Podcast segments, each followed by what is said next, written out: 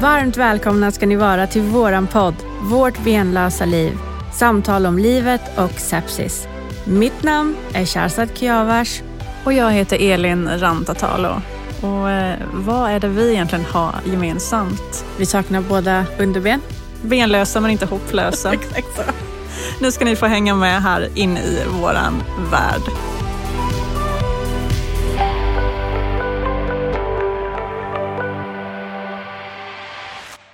Varmt välkomna hörni. Idag har vi ett väldigt, väldigt viktigt avsnitt om ett ämne som känns så självklart. Idag ska vi prata om vad är sepsis?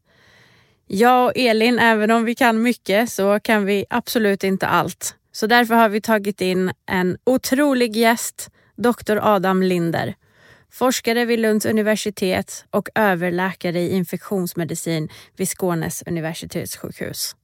Adam, eller doktor Adam som jag kallar honom, är också grundare av Sepsisfonden i Sverige och sitter med i den nationella arbetsgrupp som arbetar med det standardiserade vårdförloppet för sepsis i Sverige. Och vad det är ska vi prata närmare om och vi ska verkligen grotta ner oss i sepsis och allt därtill. Varmt välkommen Adam, tack för att du vill vara här med oss idag.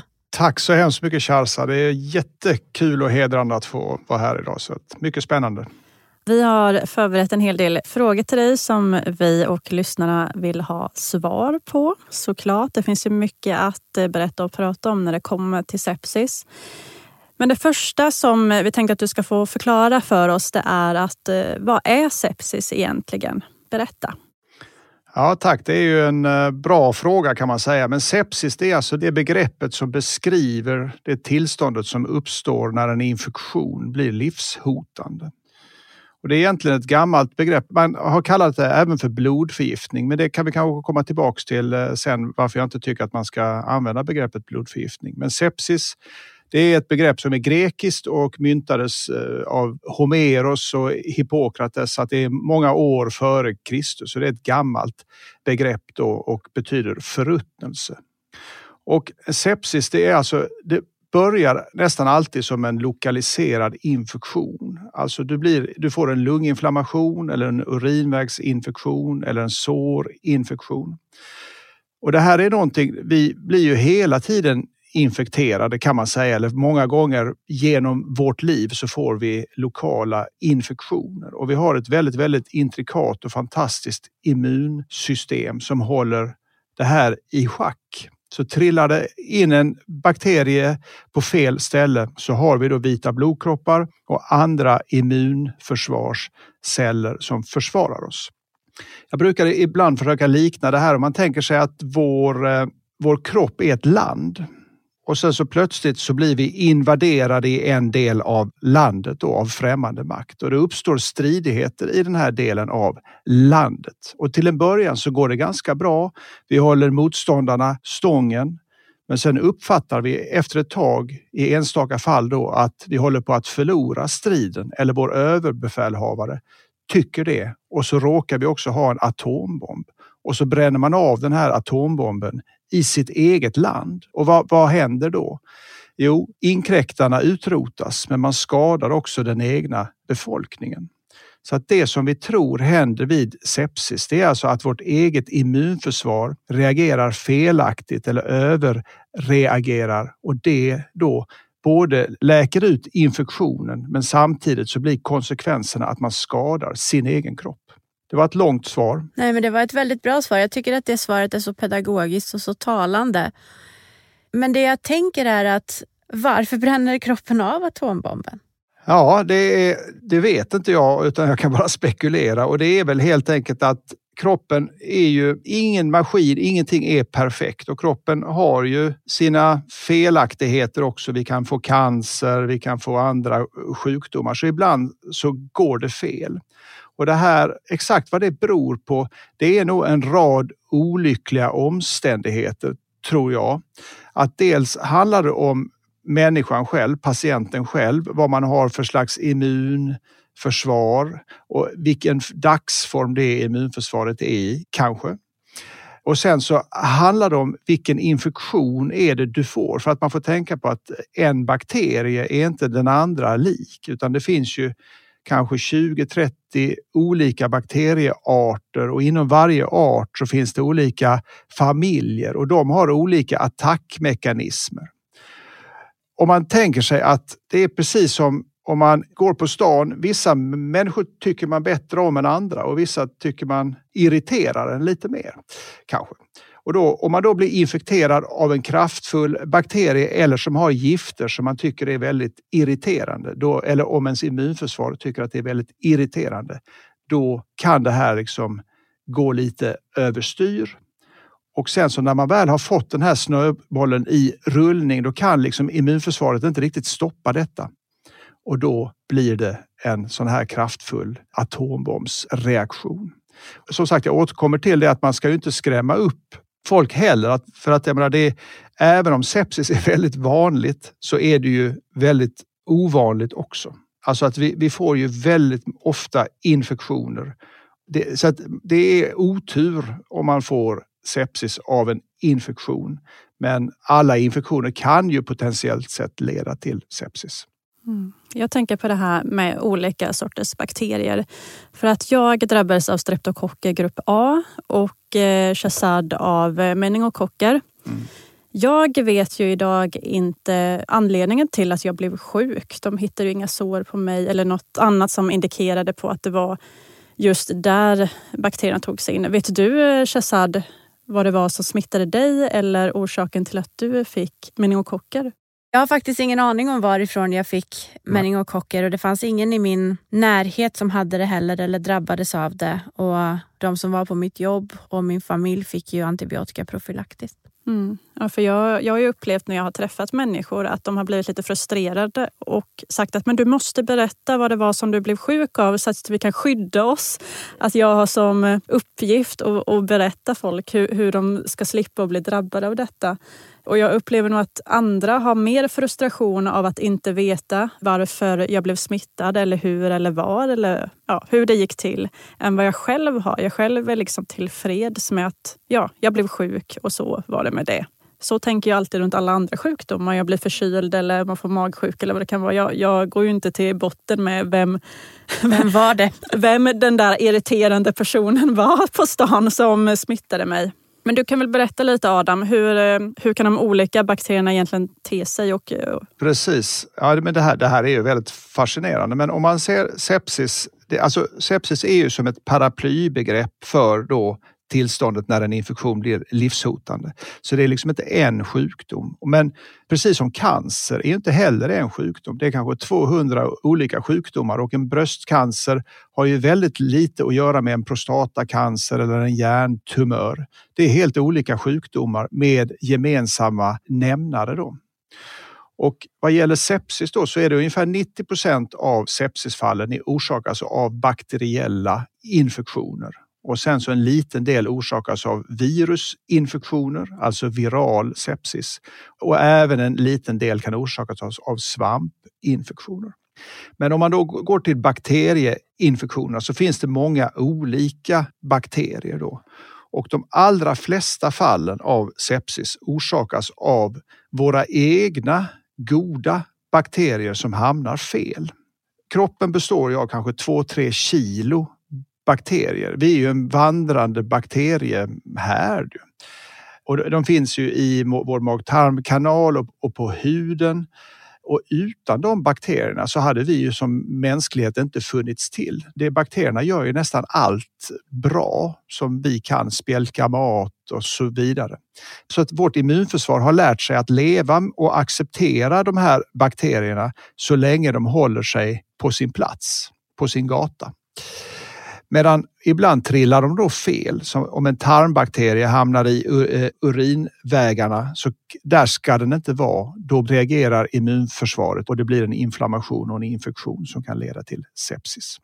Så det är den stora delen av sepsisfallen.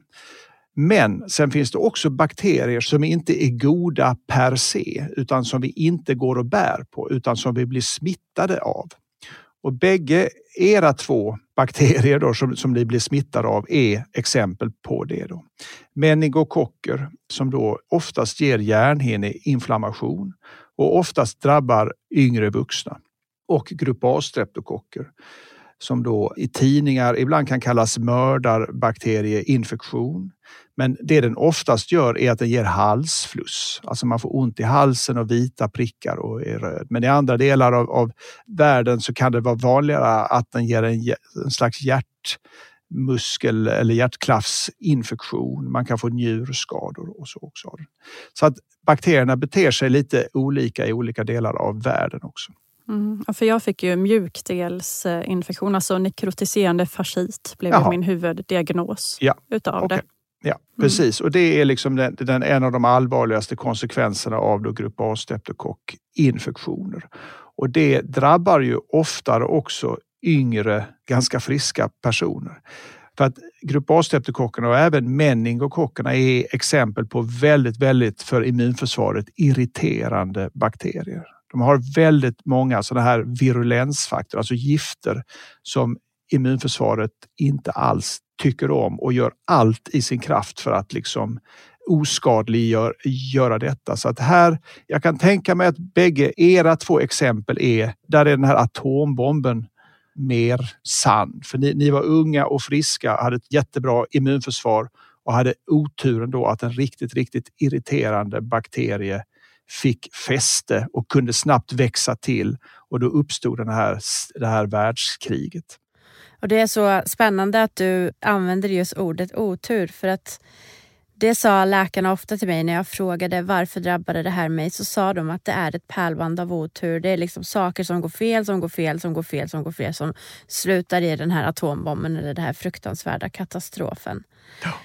Och jag tänker, kan vem som helst drabbas av sepsis? Nu har vi pratat om just grupp A-streptokocker och meningokocker och då pratar vi om oftast unga vuxna mm. framför allt. Men hur är det med de andra typerna av sepsis? Ja, alltså vem som helst kan drabbas av sepsis, men väldigt små barn och äldre personer har en klart ökad risk.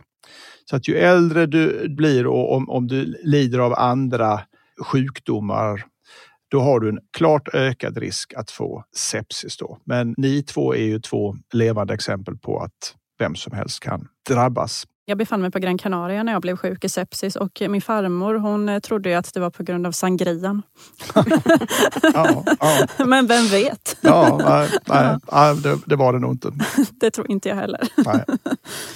Nej, men det är också intressant för att det hänger ju, om man nu tar ett exempel på sepsis var ju spanska sjukan då 1918 till 1920 så drabbades ju världen av en pandemi. Det var en slags influensa som då spreds snabbt och då insjuknade ju främst yngre vuxna.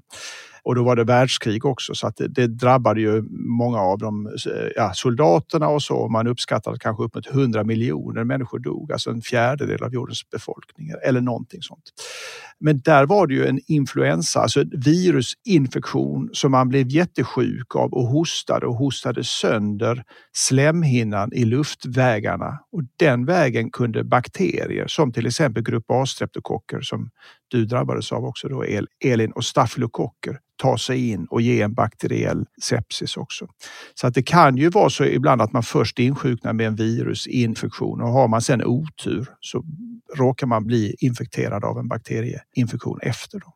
Mm, för historiskt sett eh, när det kommer till sepsis har den väl alltid funnits mer eller mindre. Inte alltid i form av pandemier ja. som under spanska sjukan men precis. den förekommer väl som i barnsängsfeber. Exakt, precis. Det är också grupp A-streptokocker. Jaha, det är det också. Ja, det är också mm. precis. Så det här är också intressant. All, all, eh, anledningen till att jag startade Sepsisfonden tillsammans med min vän då Ulrika Knutsson 2015, det var just den här frustrationen av att ingen visste vad sepsis var och media skrev om alla de här olika konstiga tillstånden som eh, spanska sjukan, mördarbakterieinfektioner, barnsängsfeber. Det fanns något som heter, eller finns något som heter badsårsfeber som kan ofta uppstå om det har varit en varm sommar eh, så vattnet blir lite varmare än vanligt i, i augusti. Om man badar där då har en bakterie som heter Vibrio vulnificus, de har ju ofta roliga namn, eh, då den växer till och finns i vattnet. Och har du då lite sår på benen eller så, då kan du bli infekterad och få då en allvarlig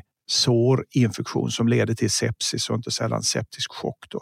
Men då skriver media att nu har vi många badsårsfeberfall. Då. Så att det blir en massa olika begrepp och ingen samlar de här begreppen. Att det är liksom alla de här ska in under sepsishatten. Och det tycker jag är, jag förstod inte det från början men jag förstår det nu hur viktigt det är att vi benämner det rätt. Och att man inte använder de här orden som man använder i folkmun. Till exempel när jag har varit med i tidningen, även om jag, nu var ju det länge sedan jag bönade och bad att använda ordet sepsis, men då sa de, men det är ingen som vet vad det är utan vi måste använda oss av ordet blodförgiftning. Mm. Och det, eller mördarbakterier mm. låter ju mycket mm. läskigare mm. än sepsis. Mm. Kan man ju tycka, men det är otroligt viktigt att man använder rätt terminologi men också att för att synliggöra de här sepsisfallen och för att förstå hur viktigt det är och hur många det är som drabbas av sepsis fick jag, har jag fått uppfattningen när jag har läst på att det är väldigt viktigt att man också använder rätt kod mm, i sjukhusen precis. när man mm. journalför det här så att man får korrekt data på hur många det faktiskt är som drabbas av sepsis varje år. För ofta är ju det är det huvuddiagnosen då eller blir det en underdiagnos? Det är, tyvärr har Socialstyrelsen vill inte ändra sig. Vi har via olika kanaler försökt påverka dem, men det är en bidiagnos sepsis och den glöms ofta bort mm. faktiskt. Så att vi, vi har gjort studier här i Lund. Det finns andra som har gjort liknande studier och det visar sig att ungefär 10 till 20 procent av patienter som vårdas för sepsis på sjukhus får en korrekt sepsis utskrivningsdiagnos. Så att frågar om då liksom regeringen eller riksdagen undrar ja, vad ska vi satsa på nu?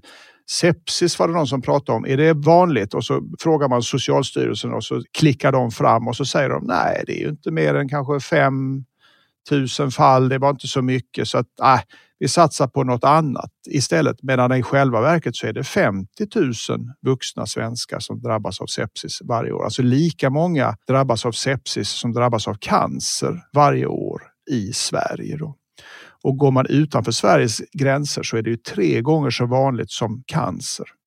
Man uppskattar upp mot 50 miljoner drabbas av sepsis globalt och 11 miljoner dör då. Det är chockerande siffror. Ja, det är helt otroligt faktiskt. Och det, och det är nog ändå en underskattning för att man har dåliga ganska dåliga siffror, alltså dåliga underlag. Vi, vi har ändå ganska bra sifferunderlag i Sverige i förhållande till hur det är i andra länder. Är det några länder som är mer drabbade än andra? Jag vill som minnas att jag har hört att eh, till exempel Storbritannien har många fall av sepsis.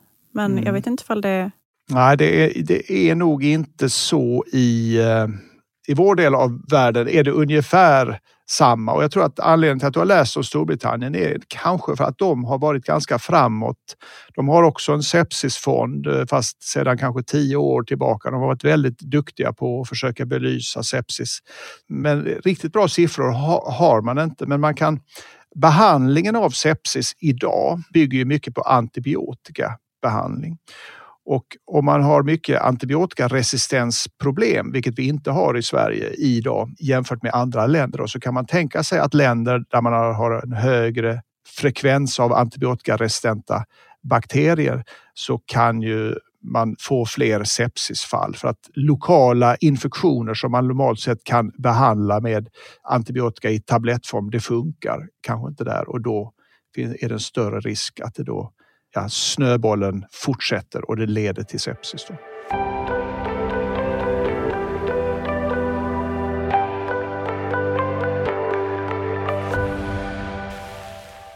När jag och Elin har pratat med varandra om våra sjukdomshistorier och hur det gick till så har det ser vitt skilt ut. Sen förstår jag att vi har haft olika typer av bakterier men mm. min gick ju väldigt, väldigt fort. Och första gången jag ringde till 112 av att jag tyckte att jag hade hjärtklappning så bedömdes det som att det var en panikångestattack. Även om jag hade väldigt, väldigt hög puls. Jag hade en puls på 144 när ambulansen kom till mig första gången. Men alla andra mina vitalparametrar stämde så att säga. Mm.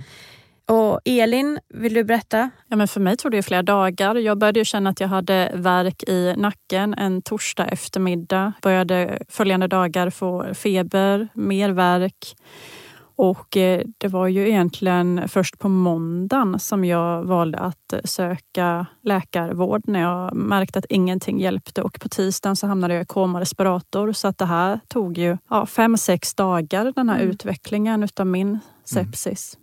Så hennes var långdragen, men min då när ambulansen lämnade så kom ju de här sepsissymptomen till mig snabbt. Kräkningar, feber, skakfrossa, och att jag inte var vid medvetande eller att det var sluddrigt tal. Mm. Och Det var och samma sak för mig när jag väl kom in på sjukhuset. Men det tog ju mm. ett par dagar innan jag var där. Precis. Så jag tänker att även om sjukdomsförloppet eller insjuknandet givetvis ser annorlunda ut för alla så skulle vi kunna prata om symptomen och vad det är man behöver titta efter om man nu tror att en själv eller någon i ens närhet har drabbats av sepsis. Ja, det är eh, jättebra eh, Shahrzad och det är, det är väldigt illustrativt det ni beskriver också och det här att det, ibland går det fort och ibland tar det längre tid. Och det finns inget riktigt bra svar på varför det går snabbt eller inte, men det finns symptom då som man kan vara lite vaksam på och det är som du sa Charles att skakfrossa. Det är väl egentligen det mest typiska. För tyvärr, de flesta symptomen för sepsis är inte väldigt typiska. Alltså alla har det inte och kanske inte på samma gång. Men om man har flera symptom samtidigt, då ska man tänka på att det kan vara sepsis. Och exempel på det är då skakfrossa, om man känner sig extremt muskelsvag, orkeslös, om man blir påverkad i sitt medvetande, alltså att man uppfattas av sina anhöriga som lite personlighetsförändrade eller förvirrade eller har sluddrigt tal. Att man andas snabbt. Eh, normalt sett så andas vi 12 till 16 andetag per minut. Men andas man över 20 per minut och ännu hellre över 25 eller 30 gånger per minut, då är man ofta väldigt sjuk. Sen behöver det inte vara sepsis, men det då ska man liksom dra öronen åt sig. Och sen om man drabbas av kräkningar och även diarré då, men, men det är inte som vinterkräksjukan att man kräks oavbrutet, men några, några enstaka kräkningar. Det är också ett symptom som är vanligt vid sepsis då. Och svår smärta som man inte riktigt kan förklara. Så att det här är liksom de vanligaste symptomen och har man kanske två, tre av dem, då ska man ju nog ringa 1177 då och diskutera det och ställa frågan. Skulle det kunna vara sepsis? För man får tänka på att sjukvårdspersonal på akuten och i sjukvårdsrådgivning, det är väldigt många som hör av sig och det finns väldigt många allvarliga sjukdomstillstånd att tänka på. Så att de kan behöva hjälp med att man säger kan det vara sepsis? För då kan de liksom komma in lite på rätt spår och kanske ställa rätt följdfrågor också. Och om jag får säga en grej till om skakfrossa här så för det är en ganska bildlig grej som man kan tänka på. För att frågar man patienter om de har haft skakfrossa så säger kanske ganska många ja. Och sen så när man då kommer med en följdfråga att om du hade haft ett glas vatten i handen när du hade skakfrossan, skulle det vara något vatten kvar i glaset då efter? Då säger ju de som har haft en riktig skakfrossa att nej herregud, det, hade, det var inte en droppe kvar. Det var som ett epileptiskt anfall. Jag kunde inte ligga still. Medan resten har, tänker mer på att man känner sig frusen eller liksom huttrar lite sådär. Men har man haft en rejäl skakfrossa, då är det faktiskt inte sällan att man har bakterier i blodet då faktiskt. Så för att sammanfatta så kan följande symptom vara tecken på sepsis. Förvirring och sluddrigt tal, ansträngd andning, snabb puls utan anledning, skakfrossa och feber, svår smärta och muskelsvaghet, diarré och kräkningar, fläckar på huden, lågt blodtryck. Om du har två eller fler av dessa så bör du uppsöka vård och ställa frågan, kan det här vara sepsis? Och den frågan tycker jag är viktig att komma ihåg, så jag upprepar den. Har man två eller flera av de här symptomen så ringer man och sen så påminner man om, kan det vara sepsis? Och det skadar ju inte att ställa frågan helt enkelt. Nej, det gör det verkligen inte. Jag tror att det är ett, eh, ett ganska enkelt sätt att rädda många liv och organ faktiskt. Och det krävs ju inte så svåra insatser egentligen av sjukvårdspersonalen för att ta reda på de här viktiga parametrarna som berättar ifall det kan vara en eventuell sepsis eller inte. Nej, men vi är lite, jag är ju lite avundsjuk på de som håller på med hjärtsjukvård och sådär om man nu ska få säga så. För att om man då har symptom, man har ont i bröstet och strålar ut i, i armen då är det väl in, inarbetat att man ska ringa och eh, ambulansen plockar ju med en och sen så kommer man in till sjukvården och då finns det ju saker som de kan göra. De har dels det som kallas EKG, att man tar liksom en, en, en bild över hjärt, hur hjärtat slår, där man då kan se ofta om det tyder på en hjärtinfarkt. Och sen finns det också blodprov som är då specifika, alltså som är typiska för hjärtat. Då. Så att de har det lite enklare. För sepsis har man ju inte riktigt satsat på det så att vi saknar ju bra blodprov som snabbt avgör om en patient, för att om tio patienter söker med samma symptom så är det kanske en som har risk för sepsis. Då. Så att det finns ju också en rädsla inom sjukvården att för många ska söka så kallat i onödan. Men jag är av den uppfattningen att vi kan inte gömma oss läng längre där utan vi måste informera att sepsis finns och de här symptomen så kan det vara det och sen får vi ta smällen så att säga att folk söker om man nu kan kalla det då i onödan och jag tror att det kommer att driva fram, alltså då kommer det bli tydligare att behovet finns för mer forskning och att man behöver få fram blodprover och så. Då kommer man satsa mer på det. Man satsar ju 30 gånger mer forsknings, statliga forskningsmedel på till exempel cancervård jämfört med sepsis trots att det är lika vanligt. Så att man får ju lite vad man betalar för också. Jag, jag visste ju inte vad sepsis var innan jag var sjuk. och Jag hade ju aldrig kunnat föreställa mig att jag skulle bli så här sjuk av feber och muskelvärk. Det var ju först när jag kom till sjukhus då verken höll på att explodera i min kropp som jag insåg att eh, ja, jag, jag kände ju att jag kommer nog dö. Mm. En stark känsla av att eh, det var det som skulle hända. Men eh, dagarna innan hade jag ingen kunskap om att jag skulle kunna bli så sjuk av, av de symptomen som jag då hade. Jag vet att jag frågade min man flera gånger på sjukhuset sen efteråt, vad var det där hette nu som jag hade fått? För jag hade aldrig hört ordet sepsis. Nej. Och jag tänker att det kanske hade gjort skillnad ifall jag och min man hade haft kunskapen ja. redan 2019. Det hade gjort sån skillnad. Ja. Jag visste ju heller inte vad det var. Och jag minns att min, jag var ju så givetvis ledsen över det här och jag var väldigt orolig eh, när jag väl själv skulle få barn. Att tänka om de får sepsis, hur bemöter jag det? Och då sa min pappa någonting till mig som jag tycker är så viktigt. Han sa, du har kunskap. Nu vet du vad det är. Så om det här skulle hända din dotter, då kommer du ha koll och då kommer hon få vård i tid. Och då behöver det inte gå dåligt. Och Det är ju tråkigt att man som patient och som okunnig ska behöva bära det ansvaret. Men så länge vi inte, det inte uppmärksammas på rätt sätt så är det kanske exakt den vägen vi behöver gå. Nej, alltså, jag, jag håller helt med. Det är den vägen vi måste. Man, man kan köra strutsen så att säga, huvudet i sanden, men det, det, det går inte. På tal om forskning då Adam. Tycker du att sepsisforskningen får den plats och den vikt som den förtjänar? Absolut inte. Det har blivit bättre och bland annat tack vare, om man får säga så, covid. För covid, eh, när man blev riktigt sjuk i covid och hamnade på sjukhus med eh, i respirator och så var, var riktigt sjuk, då, då har, har man faktiskt drabbats av sepsis också.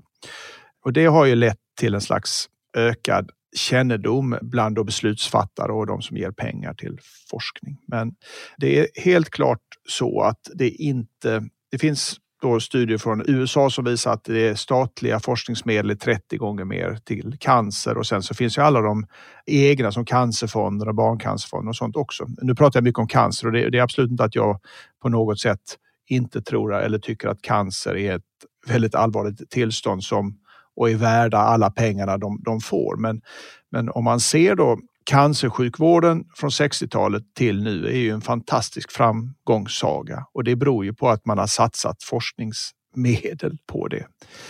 Och vi är lite där vad, vad gäller sepsis, där cancer kanske var på 60-talet, att vi, har inga bra blodprover eller diagnostiska hjälpmedel. Då. Vi använder så kallade blododlingar, alltså när patienten kommer in till akuten så samlar man 20-30 milliliter blod och sen så ställer man det i en slags ugn så att det ska bli varmt och bakterierna, ska, om de finns i blodet, ska trivas och växa till.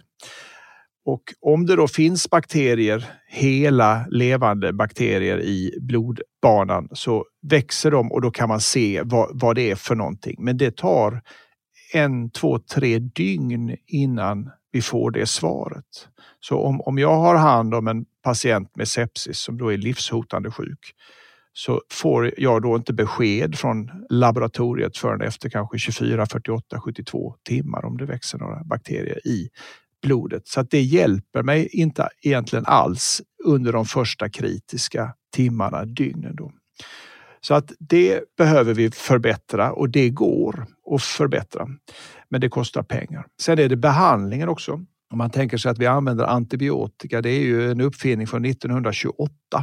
Det är nästan 100 år gammalt och vi har inte fått några nya antibiotika sedan 80-talet. Så att, och vi har då en ökande problem med antibiotikaresistens. Så där tycker jag att man borde tänka om lite grann eller tänka parallellt eh, lite utanför boxen som man kan säga. Och om man då går tillbaka till att vi tror att det är immunförsvaret som reagerar felaktigt mot den här infektionen och att det ofta är snälla bakterier, våra egna bakterier som hamnar fel.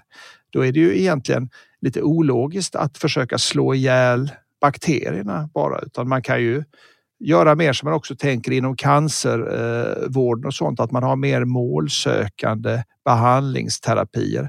Att man kanske hjälper immunförsvaret att ta hand om den här att liksom ta den här dumma bakterien i, i örat och flytta tillbaks den till där den kom ifrån eller, eller avväpna den så att den inte blir så irriterad. Så att man istället använder då immunmodulerande behandlingar. Och skulle vi lyckas med det, då har vi ju inget problem med antibiotikaresistens heller eftersom kroppen kan ju inte bli riktigt resistent mot sig själv, eller ja, oftast inte. Så det är, det är alltså det som forskningen skulle bidra med? Antingen ja. att vi får en diagnostik som tar fram vad det är för bakterier man har drabbats av tidigare. Mm. Men också något som boostar immun, immunförsvaret så att immunförsvaret kan lösa det här själv så att man inte behöver gå in med antibiotika. Ja, eller man kanske behöver lite antibiotika också ett par dagar men inte alls på samma sätt. Och då kan vi spara antibiotika och på så vis också minska det här med antibiotikaresistens problematiken. Och sen så en ytterligare eh, grej är ju faktiskt att många som överlever sepsis får långtidskomplikationer. Och det är ju ytterligare en sak som vi egentligen skulle behöva förstå bättre. För att jag tror att man i många fall kan motverka en hel del av dem eller minska risken och, och så. Så att det är ytterligare ett fält som jag tycker att man borde titta närmare på också. Jag tänker på komplikationer. Nu finns det så många olika typer av komplikationer man kan få på organ och så vidare. Men både jag och Shazad, eh, vi förlorade ju våra fötter och jag även eh, mina fingrar. Vad, vad är orsaken till att eh, fötter och fingrar kan gå hädan under en sepsisinfektion egentligen? Mm, det är också en bra fråga. Och ja, det är egentligen det enkla svaret är nog att när man då får den här atombombsreaktionen, då utsöndrar till exempel vita blodkroppar substanser, ämnen, för att en vit blodkropp ska äta upp en bakterie och den åker runt i vår blodbana. Men infektionen eh, sitter kanske inte inne i blodkärlet utan i vävnaden utanför. Så då åker den vita blodkroppen fram till den här platsen. Sen måste den komma ut ur blodbanan in i vävnaden. Och vad gör den då? Jo, då har den ämnen i sig som kan öppna blodkärlet och då kan den åla sig ut dit. Men när den här atombomben bränner av, då utsöndrar alla vita blodkroppar allt sin sånt här kärlöppnande eh, sina kärlöppnande substanser. Så att det blir liksom, om ni tänker er en trädgårdsslang som springer läck på massa ställen samtidigt. Då minskar trycket, alltså cirkulationen. Och blodet levererar bland annat syre till våra organ. Och om vi inte har tillräckligt med blodtryck eller syre, då tänker kroppen lite grann som man tänker om man sitter i en ubåt under vattnet. Om man blir torpederad så att man tar in vatten, då stänger man av delar av ubåten för att spara syre. Så att de, man liksom offrar vissa delar. Det är lite, lite så det som händer vid sepsis också. Och då kan det hända att de perifera delarna, alltså fingrar och fötter, är lite extra känsliga för det och kroppen stänger helt enkelt av cirkulationen dit. Och om cirkulationen är avstängd tillräckligt länge, då dör den vävnaden. Vilket intressant resonemang. Jag hade ingen aning om att det var på det sättet. Visste du det? Jag, hade, jag har hört om det innan, att, eh, att jag förstått att kroppen på det viset är ganska, ska man säga, smart. Ja, det är ju smart. Den vill ju rädda organen. Ja, rädda det som är eh, viktigast. Mm. Men sen behöver det ju inte alltid gå så som det har gått för mig och Elin och det tycker jag är väldigt viktigt att betona. Ja. Behöver det alltid gå dåligt vid sepsis? Nej, om man drabbas av sepsis eh, och man dör inom en månad, det är ungefär 15-20 procent. Alltså nästan var femte dör faktiskt. Men då ska man också komma ihåg att precis som hjärtinfarkt och cancer och de flesta sjukdomar så är ju majoriteten av de som drabbas är ju äldre. Och med äldre pratar man då över 65 eller 70 år. Så det är ju en övervägande del och där, ju äldre man blir ju högre risk har man ju att dö överhuvudtaget. Är man ung och frisk då kan man på ett sätt då få en värre akut reaktion eftersom man har ett så ungt och vitalt immunförsvar. Men å andra sidan så har man ju också mycket, mycket bättre resurser att överleva och hämta sig och liksom återskapa Eh, jag menar, om ens organ har skadats så har man ju en bättre möjlighet att eh, ja, läka om man är ung. Återhämtningsfasen blir statistiskt sett kortare då för någon som ja. är äldre eller för någon som är yngre än någon som är äldre. Precis, mm. precis. Men vad kan man mer ha för men efter en sepsis? Ja, man kan ha lite av varje. Det finns en svensk studie som visade att det var då bara män som hade gjort värnplikten. Det var så man fick tag på dem. Men där visade det sig att om man hade haft sepsis så hade man en sex gånger ökad risk att få hjärtinfarkt under det första året efter sepsisen. Njurskador är också inte ovanligt och sen så olika, olika slags påverkan på hjärnan, alltså psykologiska, psykiska problem, sömnstörningar, olika kognitiva besvär, alltså minnesproblem det är en minst sagt dramatisk upplevelse att ha sepsis. Alltså det är, det, det är som en skräckfilm kan jag tänka mig. Så det är ju många som får det man kallar PTSD också, alltså posttraumatisk stresssyndrom eller så. Eller må, många, det är liksom inte helt ovanligt. Så att det finns en tysk studie från 2021 som visar att nästan tre fjärdedelar av alla som överlever sepsis drabbas av minst ett nytt medicinskt eller psykologiskt problem under första året. Finns det något speciellt program idag inom svensk sjukvård eh, som eh, kan vägleda de här patienterna vidare? Hur man, eh, med information om hur, vad man kan förvänta sig efter en sepsis och hur man tar sig vidare och vad det finns för vidare hjälp att få? Nej, inte, alltså inte egentligen. Sepsisfonden har ju tagit fram en, en patientbroschyr där vi beskriver lite olika saker om vad sepsis är och hur, vad som kan hända på sjukhuset och vad som kan hända efteråt. Och tanken är egentligen att den via det här standardiserade vårdförloppet som eh, personcentrerade vårdförloppet som håller på liksom att införas i Sverige. Då ingår det att alla patienter ska få en sån broschyr också. Sen jobbas det på olika ställen. Eh, det finns ju, har ju funnits och finns i viss mån då post-covid-mottagningar också. Och eh, i viss mån så liknar post-covid-mottagningar det som man skulle vilja bygga upp som en postsepsis, generell postsepsis-mottagning också. Men det är ju komplext för att det är många olika saker. Man kan få problem med alla organ i kroppen och det är inte så att alla får alla problemen utan en patient A får hjärtproblem, patient B får minnesbesvär och patient C får någonting med njur, njurarna och patient D får ingenting. Så att det är ju lite svårt att veta hur man ska följa upp patienter och på vilket sätt och så. Men det är någonting som vi är väldigt intresserade av och försöker få medel till att forska på och försöka förstå bättre. För jag, jag tror att man kan göra väldigt, väldigt mycket gott för patienten och i nästa tur då anhöriga och i långa loppet även då samhället. Då. Så att jag tror att det är väl investerade pengar att eh, studera. Mm. Ja, för man kan, ju, man kan ju känna sig väldigt ensam efter sin sjukdomstid och, och det man har med sig ifrån den. Så att, eh, personligen så tror jag att det är jättebra att fånga upp sepsispatienterna på ett eller annat sätt. Ifall Precis. det är samtalsgrupp eller ifall det är någon eh, annan typ av information. Ja, och jag, jag instämmer. Jag blev ju släppt lite vind för våg och jag läser också ofta i forum och så från andra som skriver att det, de har inte fått någon uppföljning. Så jag tror verkligen att en postsepsismottagning av något slag skulle kunna vara väldigt värdefullt för de som känner att de behöver det. Ja. Och som du säger också anhöriga. Ja. kan ju också vara... Ibland känner jag, jag blir, jag blir alltid så glad av att prata med dig för att du förklarar saker på ett sätt och så får man en aha-upplevelse och sen känns det bra. Mm. Det här som du förklarade om, om benen till exempel. Varför eh, gjorde kroppen så här? it makes sense, jag fattar det nu och det är målande och man kan ta till sig det och så kan man gå vidare. Mm. Och Jag tror att man som patient har så många frågor som man måste få svar på.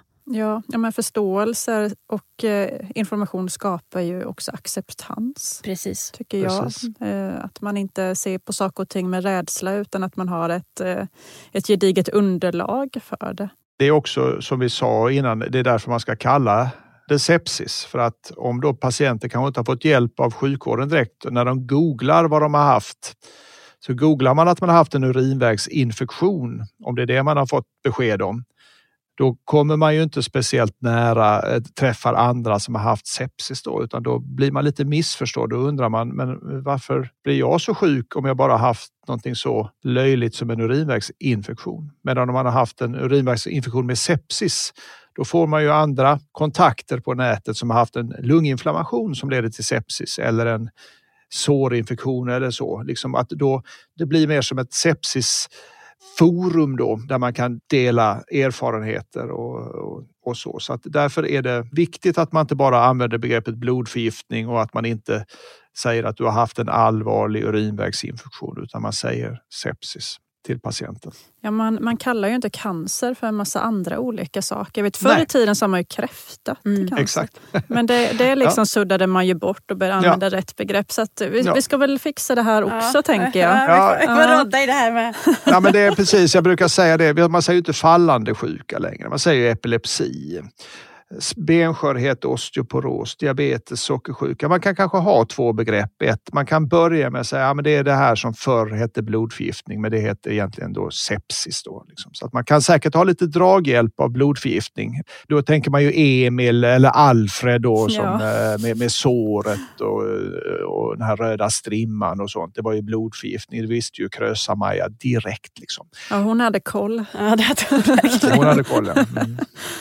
Och Jag tänker också, jag är nyfiken på det här standardiserade vårdförloppet för sepsis. För att det pratar man ju ofta om, att man ska ha likvärdig vård oberoende av var någonstans i landet som man söker.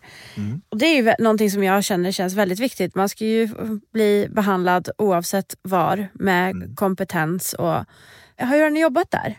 Ja precis, det var väl 2019 2019 eller någonting så ansökte, fick man lov att ansöka om då och det var, då antog väl riksdagen då SKR tio stycken nya sådana här sjukdomstillstånd som då skulle få ett standardiserat och personcentrerat vårdförlopp och då var det då sepsis ett av dem.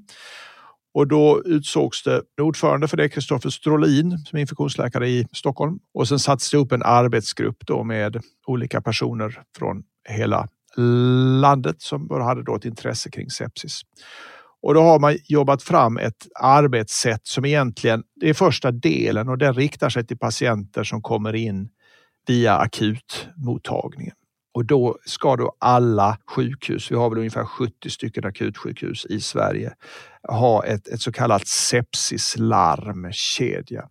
Man har på alla sjukhus så kallade triagesystem. Alltså man mäter puls, blodtryck, eh, hur, mycket, hur snabbt patienten andas, om patienten har feber, om patienten är förvirrad, om man eh, har någon urinproduktion och så.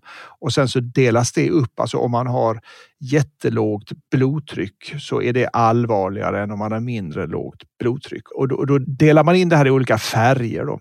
Och, man, och rött är värst. Då. Om man har en röd parameter på någon så kallad sån här vital parameter och en misstanke om en infektion. Då dras ett så kallat sepsislarm. Och då vet all personal är liksom tränad och vet precis hur många nålar, infarter, om man ska ge, om man ska ge vätska, och man ska ta speciella odlingar eller blodprover och ge behandling. Och så kommer då en akutläkare dit direkt och så kontaktas också en infektionsläkare.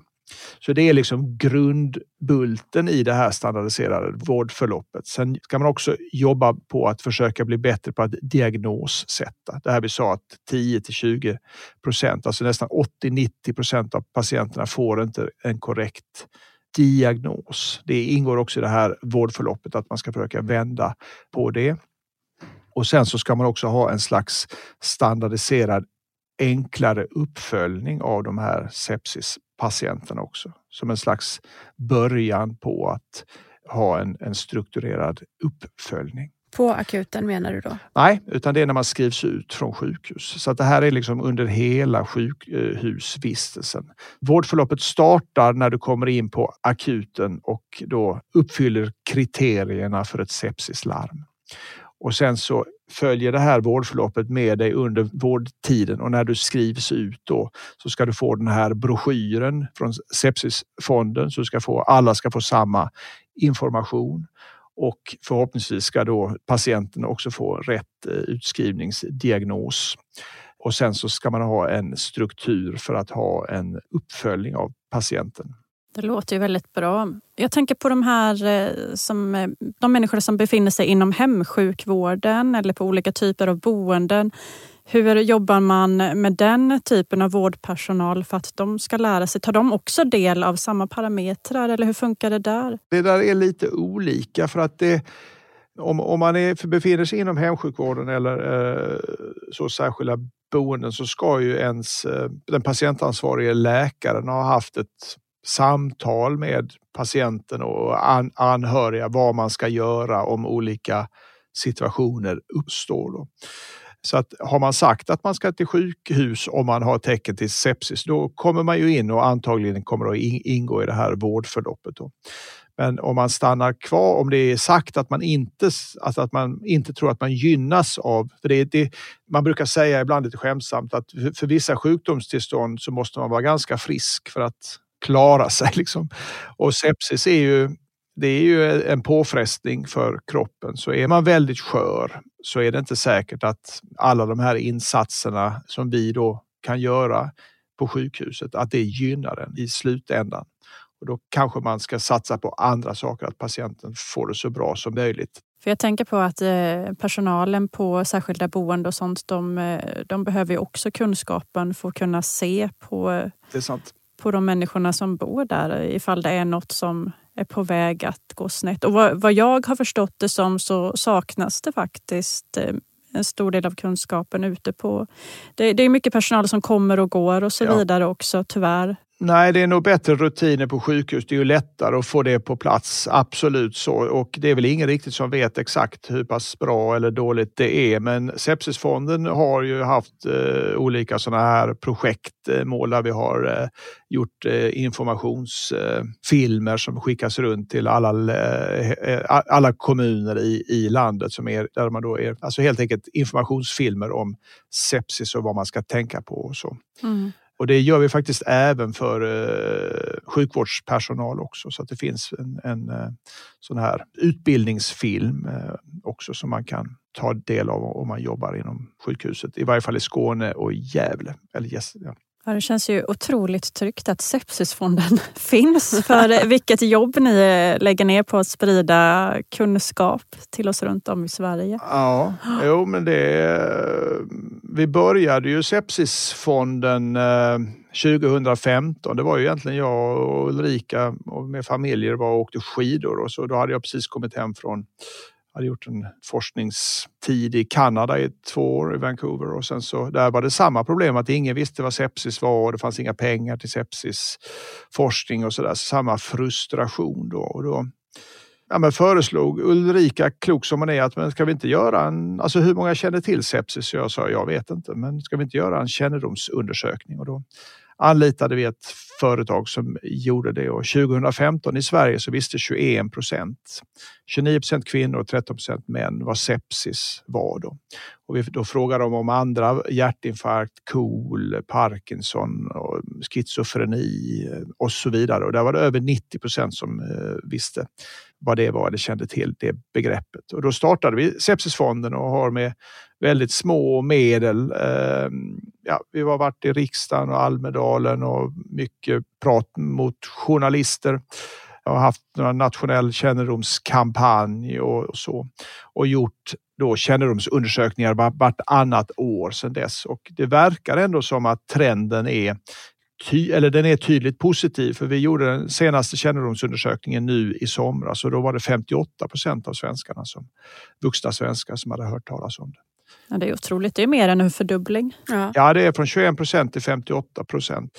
Fast vi satsar ju på 100, det måste man ju ändå ja, säga. Ja, det, det gör vi. Precis. Men det är en klar förbättring och som sagt, kunskap är makt tycker jag och jag tycker att ju mer man vet, desto mer har man att vinna. Jag tänker att det också kan göra att eh, ifall människor har kunskap om sepsis så kanske de kan släppa lite av oron över att också bli drabbade av det. Att ja. man ser att det jobbas mot det och eh, det är fler och fler som vet om vad det handlar om. Ifall man drabbas så kanske man har någon i sin närhet som har läst och förstått vad sepsis är och kan rädda liv på det viset. Precis.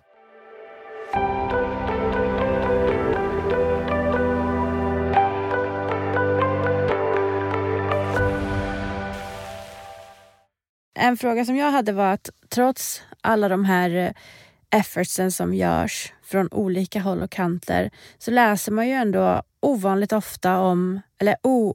För ofta. Ja, för ofta om eh, barn, framförallt nu på senare tid, som har drabbats av grupp A-streptokocker som har feldiagnostiserats. Vad tror du att den här feldiagnostiken beror på? Ja, det är väl att det är ju Sepsis är ju som tur är ovanligt hos barn.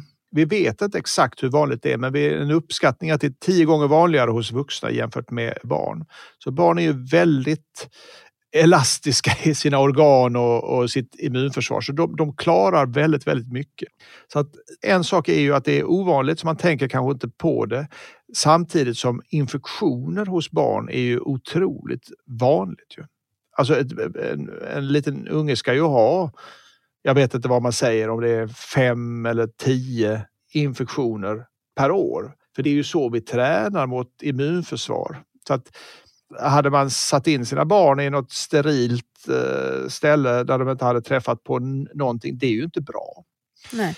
Och eftersom symptomen då är, liknar varandra till en början då, så är det, det är, ofta, alltså det, det är väl precis som du sa innan, det här är också en många olyckliga omständigheter. Det kan vara någon, man missförstår någonting eller ja. Mm. Men ifall jag skulle komma in med mitt barn på akuten och mitt barn har haft eh, hög feber och eh, andas eh, hastigt, är förvirrad, har kräkts. Vad är det första som sjukvårdspersonalen ska göra på akuten då? Om de misstänker en sepsis? Vad är den första insatsen man gör? på Trycka på larmet ju. Ja, trycka på larmet ja, kan, man, ja, ja. Mm. kan man mm. säga. Och men sen är det egentligen eh, det beror på vilket organ det är som sviktar. Och det ska man, alltså det, ja, hur tar man två... reda på det? Tänker ja, men det, alltså det, det, det, mäter man. Alltså om, om barnet, man, man kan ju mäta syre sättningen, alltså hur, hur pass mycket syre man har i, i kroppen. Man kan ta ett blodtryck, det är lite svårt på små barn. Mm. Om personalen väl uppfattar det så gör, då gör de ju rätt saker. Så, men det är alltså att antingen få in vätska ge syrgas och sen är det att ge antibiotika. Mm. Ja, då gjorde de alla rätt på mig i alla fall när jag kom in. Bra, jag bra jobbat. Vet du hur lång tid det dröjde för dig Shazad innan du fick veta, eller du fick veta, men dina anhöriga fick veta vad det var för typ av bakterier som du var drabbad av? Läkarna sa till mig att du hade ett pärlband av otur, men jag hade också ett pärlband av tur. När jag kommer in på morgonen där så är det en läkare som precis ska kliva av sitt pass, rutinerad, tittar på mig och alla de här vitalparametrarna och den här checklistan som de har. Han tar ju givetvis en blododling, men han säger direkt det här är meningokocker. Mm. Ja, och meningokocker ter sig väl så att det är ganska lätt att se utanpå kroppen. Eller hade du fläck, var det ja, jag hade petecker ja, på kroppen. För det måste ju vara ett bra hjälpmedel för mm. sjukpersonalen. För för min del så trodde de ju till en början att jag hade stafylokocker. Så att de lugnade ju min man och sa att Nej, men det är ganska snälla bakterier, att det kommer nog ordna sig detta. Men när odlingarna kom efter 48 timmar tror jag det var så då hade ju min mans misstankar stigit om att är det inte streptokocker eller sådär och det visade sig att det var det. Mm. Mm jag är absolut ingen expert men jag tänker, tänk om det fanns en snabb diagnostik så som covidproverna. Ja. Att du får svar på bara några minuter. Har du det eller inte och kan du gå vidare med ditt liv eller ska du stanna upp nu? Ja men exakt, för det måste ju också det måste ta så mycket tid från sjukvården med ifall alla skulle åka dit och tro att de har sepsis och, mm. de, bara, och de ska gå igenom det här varenda gång. Ja, det hade varit skönt med en smidig lösning på det. Hade det gått, hade det varit möjligt att få fram sådana eh, snabbtester på sepsis? Ja, det, jag tror faktiskt det på olika sätt. Vi, vi jobbar ju med, med, med det bland annat. Det finns så fantastiska analysmetoder nu. Man kan göra det man heter masspektrometri där man mäter i en mikroliter blod så kan vi se över tusen proteiner i kroppen och de här proteinerna upp och ner regleras på olika sätt och kan man förstå de mönstren så är det inte ens säkert att vi behöver hitta bakterien utan vi kan se på kroppens immunsvarsreaktion vilken infektion det sannolikt är eller hur pass allvarlig den, den är. Va? Så att jag, jag tror att vi om fem, tio år eller vad man nu, jag vet inte exakt så, men att man har liksom ett, ett, en molekylär definition, alltså att man kan ta ett blodprov på akuten och eh, på ett mycket, mycket bättre sätt avgöra vad patienten sannolikt lider av, i vilket stadie det är och vad, liksom vad risken är. Och då kan vi ju börja ge mer riktad, alltså finlira med behandlingar och börja då hjälpa immunförsvaret för att sådana läkemedel finns ju också. Men vi vet inte idag när vi står på akuten i vilken fas patienten är, så vi vet inte vilket läkemedel vi ska ge.